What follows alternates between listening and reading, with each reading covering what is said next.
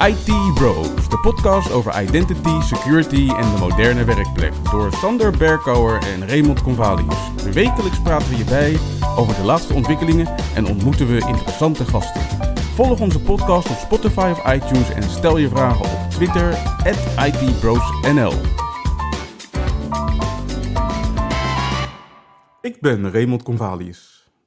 En mijn naam is Sander Berkouwer. Welkom bij aflevering 43 van seizoen 3 van de IT Bros podcast. Met in deze aflevering uiteraard weer het meest recente nieuws, informatiebeveiligingsupdates, evenementen en een productiviteitstip van Ray.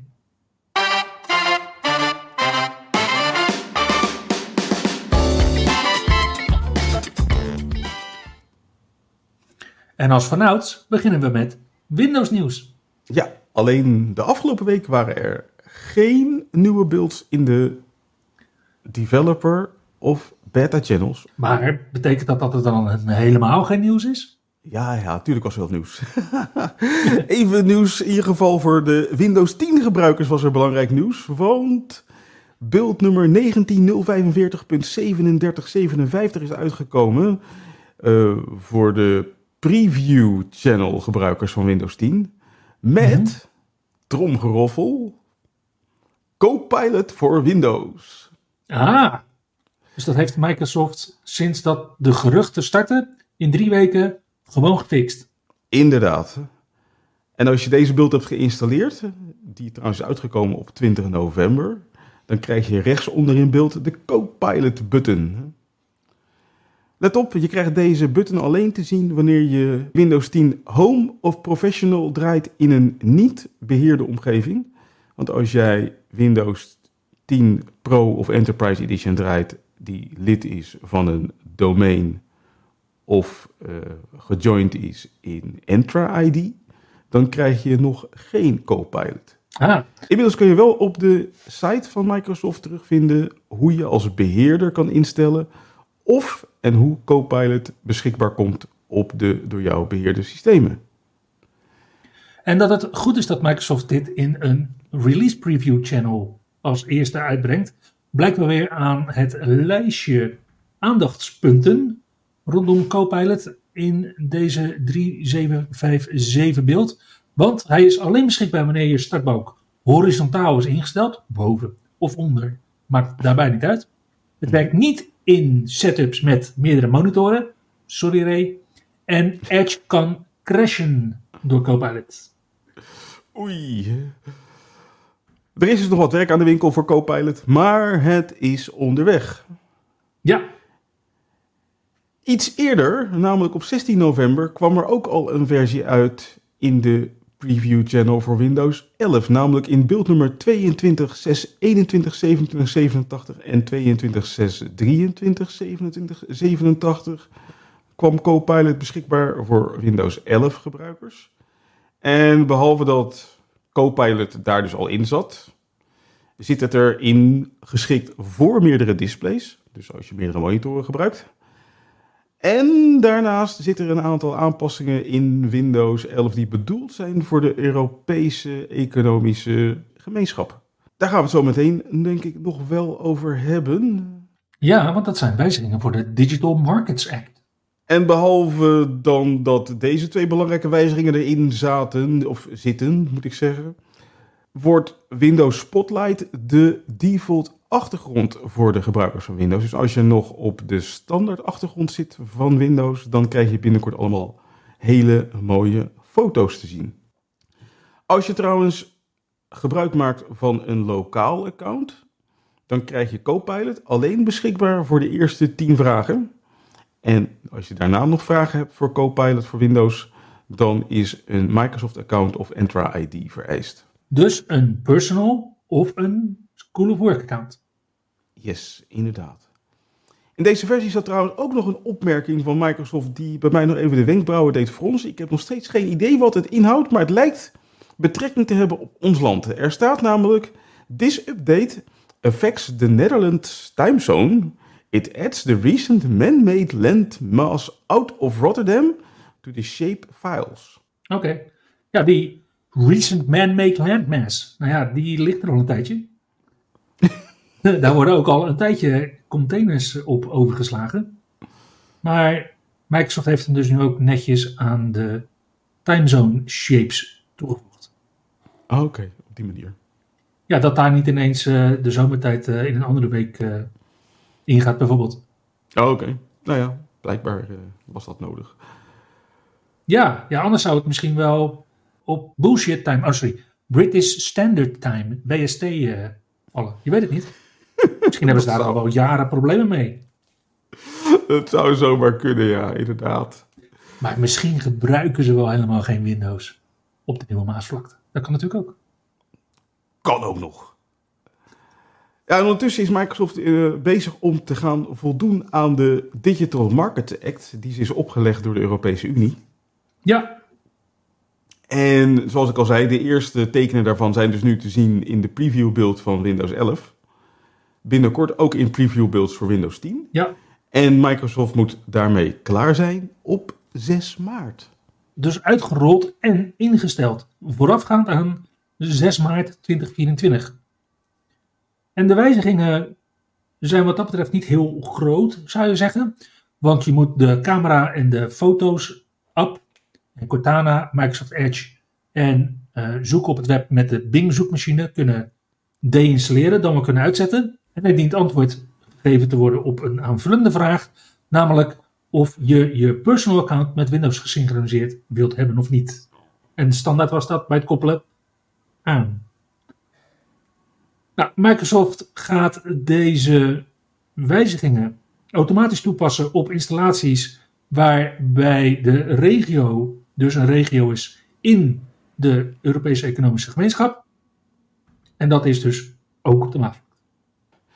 Als je dan als Windows Insider op het Developer Channel, op het Beta Channel of het Canary Channel zit en je hebt geen nieuwe beeld gekregen de afgelopen week, dan kan je toch nog genieten van een nieuwe versie van Windows Foto's.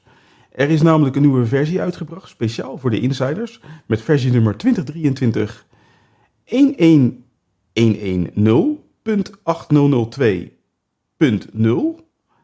En in deze nieuwe versie van Windows Foto's kan je onder andere de achtergrond verwijderen en vervangen door een ander kleurtje of voorzien van een blur. Ondertussen zit er ook een vernieuwde filmstrip in Windows Foto's en een nieuwe tijdlijn, zodat je makkelijker je foto's kan zoeken. Plus dat er een vernieuwde deelfunctie zit in Windows Foto's, zodat je makkelijker een enkele foto kan delen vanaf je OneDrive. Ja, dat we sowieso meer gaan zien van OneDrive bleek ook wel uit een aankondiging die Microsoft deze week doet, waarin ze OneDrive omschrijven als the center of your files experience in Microsoft 365. en om dat kracht bij te zetten, hebben ze een aantal nieuwe features aangekondigd. En als je dan bij jezelf afvraagt van ja, maar weet je wel, OneDrive, waarom steekt Microsoft daar nou zoveel moeite in? Nou, er worden dus per dag 2 miljard bestanden aan OneDrive toegevoegd. Zo. Per dag, hè mensen? Yep. De nieuwe features zijn onder andere een nieuwe home pagina, nieuwe bestandsweergaven met kleuren van mappen en favorieten en snelkoppelingen, een vereenvoudigde manier om bestanden te delen en een overzicht te verkrijgen wat je allemaal gedeeld hebt, maar ook dus OneDrive integratie in Teams en Outlook. En bij Teams komt het dan mooi in de linkerbalk terecht. Krijg je gewoon een nieuwe mogelijkheid om je OneDrive te benaderen. Maar in Outlook voor Windows en Outlook on the web krijgen we dat dus ook. Daarnaast biedt OneDrive binnenkort een offline modus met synchroniseren van wijzigingen het moment wanneer je weer online komt.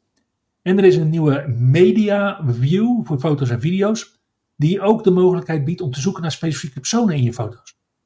Nou, dat klinkt al als AI. Nou, dat noemt Microsoft dan natuurlijk Copilot. En die Copilot integratie die zien we ook in de zoekbalk van OneDrive. Waarbij je dus bijvoorbeeld kunt vragen, toon mij alle bestanden die ik op project X in de laatste week heb gedeeld. Ook voor beheerders is het een feestje, deze nieuwe aangekondigde OneDrive. Want we krijgen veel betere en granulaire conditional access richting OneDrive. Er komt een restricted access control, waarmee voor bepaalde OneDrives alleen gedeeld mag worden met leden van een bepaalde groep.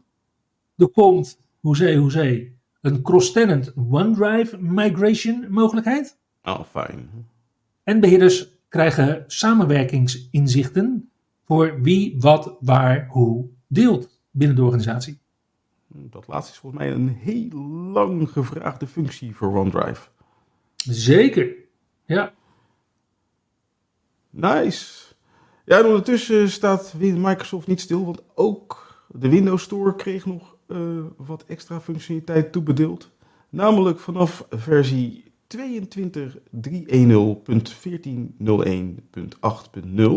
krijg je bij het installeren van een nieuwe game een pop-up. En dat is een pop-up die gelijk is aan een feature in de Xbox-app, namelijk dat je kan kiezen waar de applicatie moet worden geïnstalleerd. Ja, en dat is uh, wel nodig ook als je kijkt naar de grootte van bepaalde games. Kijk, World of Warcraft, wat toch redelijk mainstream is, vereist 67 gigabyte op de harde schijf. En Grand Theft Auto gaat daar al overheen met 90 gig. Forza Horizon 5, 102 gigabyte. Uh, 102 gigabyte. Hitman 2 vraagt al 149 gigabyte. Medal of Honor Above and Beyond, 170 gig.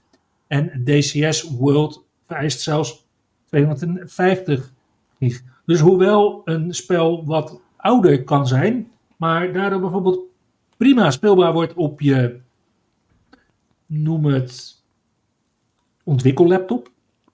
Of gewoon je dag tot dag beestje.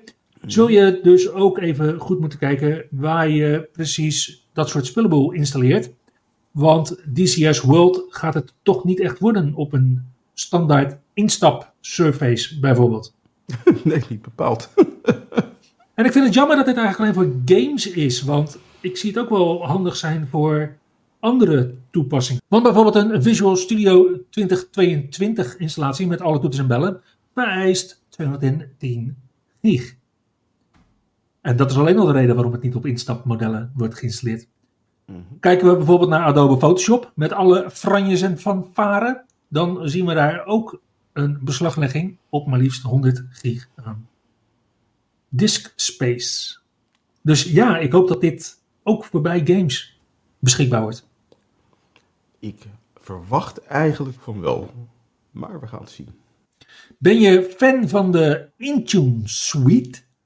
Dan gaat Microsoft daar een nieuwe aangekondigde feature aan toevoegen, namelijk Microsoft Intune Advanced Analytics. Deze wordt vanaf februari 2024 toegevoegd aan de Intune Suite, maar is ook beschikbaar als probeerversie en als losstaande feature voor maar liefst 5 dollar per gebruik per maand. En daarmee krijg je near real-time gegevens van apparaten met AI gedreven inzichten, analysemogelijkheden op basis van de Custo Query Language, wat we allemaal kennen natuurlijk uit Log Analytics Workspaces en Sentinel. Hmm. En je kunt nu ook vanuit Intune met de Advanced Analytics de batterijgezondheidsgegevens opvragen. Dat is wel heel fijn. Ondertussen gaat Exchange Server 2019 richting zijn laatste jaar van support. Hmm. Net als vorig jaar krijgt Exchange Server 2019 overigens dit jaar geen tweede update mee. De eerstvolgende update wordt verwacht namelijk volgend jaar januari, dus wel binnenkort, maar niet meer dit jaar. Mhm. En in die update, oftewel Cumulative Update 14, ook wel H1 2024 genoemd straks, zit waarschijnlijk support voor TLS 1.3 en standaard ingeschakelde Extended Protection, wat een extra bescherming moet leveren tegen man-in-the-middle aanvallen. Daarna volgt er nog een cumulative update 15, oftewel H2 2024. En dat wordt meteen de allerlaatste update die we nog gaan zien voor Exchange Server 2019, voordat deze van het toneel gaat verdwijnen.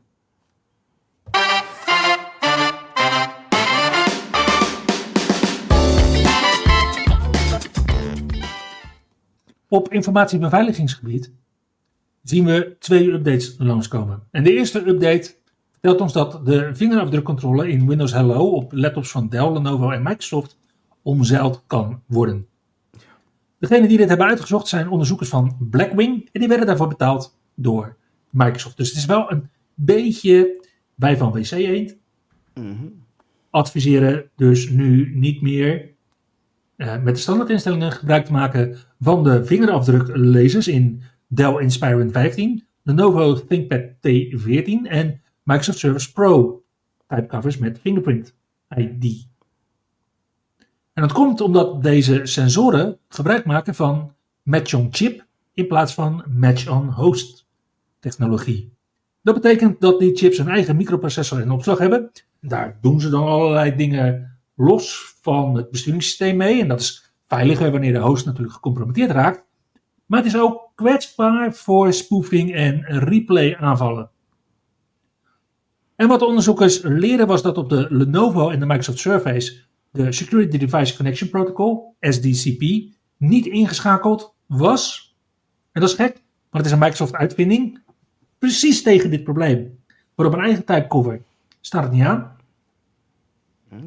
Op de Dell laptop stond het uiteraard wel aan. En wat ze daar hebben gedaan is dat ze uh, de vingerafdruksensor simpelweg hebben omgewisseld met een Raspberry Pi. Daarna vingerafdrukken in het Linux gedeelte hebben weten te brengen. Om daar alsnog met de vinger. Sorry. Om daarmee alsnog de, ja eigenlijk letterlijke vinger op de zere plek te leggen. Toch heb ik bij deze kwetsbaarheden zoiets van. Om hem te misbruiken moet je dus een man-in-the-middle attack aanbrengen tussen de vingerafdruklezer en het apparaat. En die Ja. vingerafdruklezer die zit ingebouwd in de toetsenbord van je laptop. Ja, Dus helemaal onzichtbaar wordt het een lastig verhaal volgens mij. helemaal onzichtbaar wordt een lastig verhaal. Ja, maar voor forensische analyse zou het natuurlijk wel weer een rol kunnen spelen. Ja, oké. Dat is dan meer zeg maar voor als de politie je laptop moet hacken wanneer jij bent gearresteerd omdat ze denken dat er gekkigheid op je pc staat of zo. Ja, bijvoorbeeld. Oké. Zit wat in. En ik denk dat de fabrikanten, maar ik denk ook andere fabrikanten, toch ook misschien wel met bepaalde firmware updates komen om hetzij SDCP in te schakelen, hetzij dit soort aanvallen op een andere manier niet meer mogelijk te maken. Maar wat ik eruit oppik, is dat er Microsoft best wel wat aan gelegen is om Windows Hello, eh, ja, als phishing resistant MFA-methode, eh, wel een goede reputatie te laten behouden. Ja, absoluut. Bij Google hebben ze ook een reputatie hoog te houden. En dat proberen ze onder andere te doen met de Titan Security Keys. Die hebben ze uitgebracht in 2018. En die is nu toe aan een nieuwe versie sinds dat Google heeft besloten om de passkeys standaard te ondersteunen. Dus de nieuwe Titan Security Keys die ondersteunen passkeys en zijn verkrijgbaar in de Google Store in onder andere Australië, Canada, Frankrijk, Duitsland, Italië, Japan, Spanje, Zwitserland, de UK en de Verenigde Staten.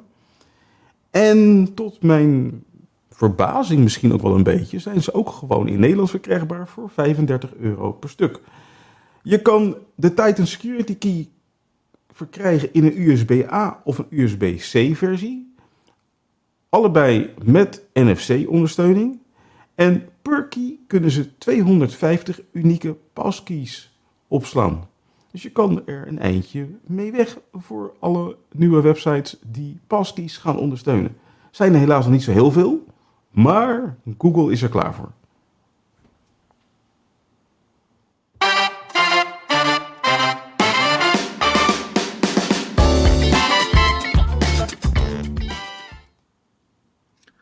En dan is het nu weer tijd voor de aankomende evenementen.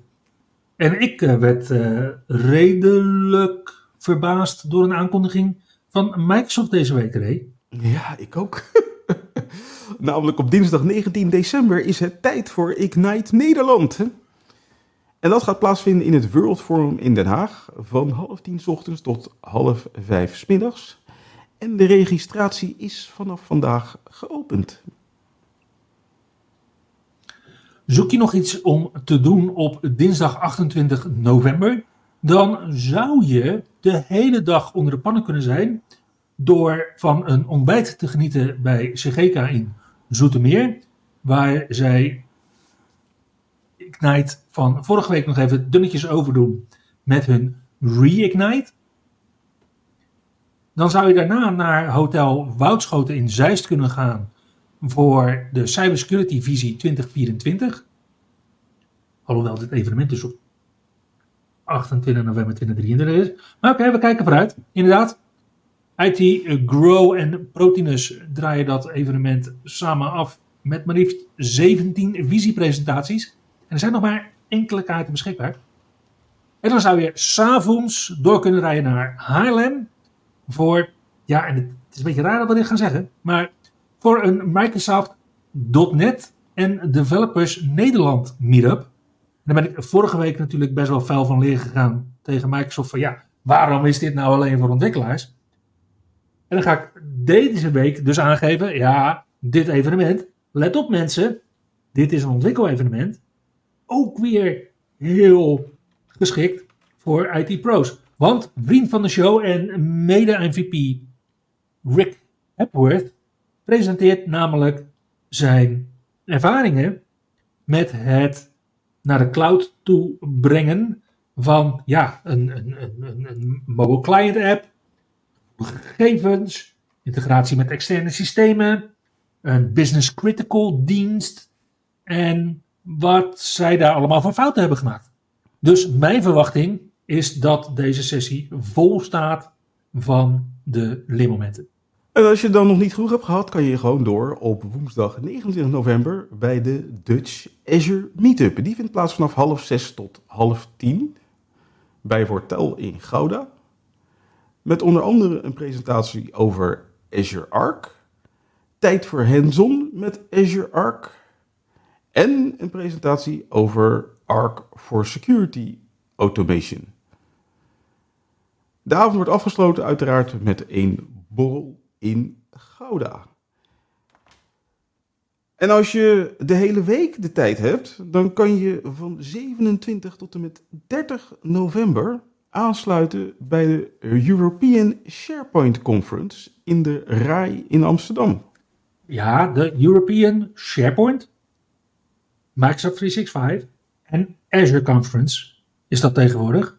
Want er zijn mensen geweest, vroeger in ieder geval, die mij ook wel eens verwarren met een SharePoint specialist.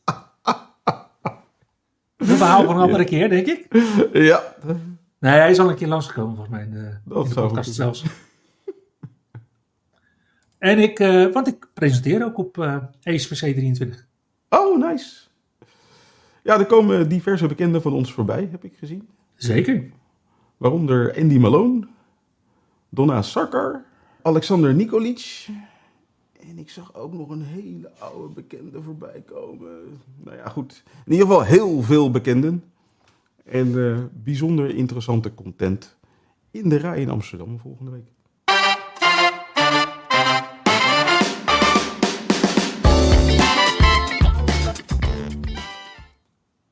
Hey Ray, wat is de productiviteitstip deze week?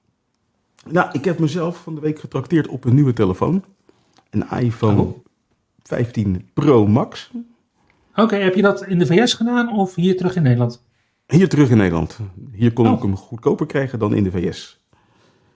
Terwijl de dollar toch ook wel weer heel erg interessant staat. Ja, maar toch eh, is er hier ook nog wel een leuke deal uit te halen. Bleek, in mijn geval. Oké. En wat is nu aan de hand met die 15 Pro? Hey, en je, Daar- maar je hebt, hem, je hebt hem. Maar ik neem aan dat je die Pro Max wel in de standaardkleur hebt. Want, het heeft, want dat toestel heeft een titanium omhulsel. Mhm. Waarvan wordt gezegd dat de verschillende kleuren daar best wel snel vanaf zouden kunnen eh, scratchen, zeg maar. Oké, ik heb hem in het zwart. Ja, dat is in het zwart. Ja, dan. Ik ben benieuwd hoe die het uithoudt. Ik ook. maar we weten nu waarom die zo goedkoop was. Oh nee, nee, niet. ja, precies.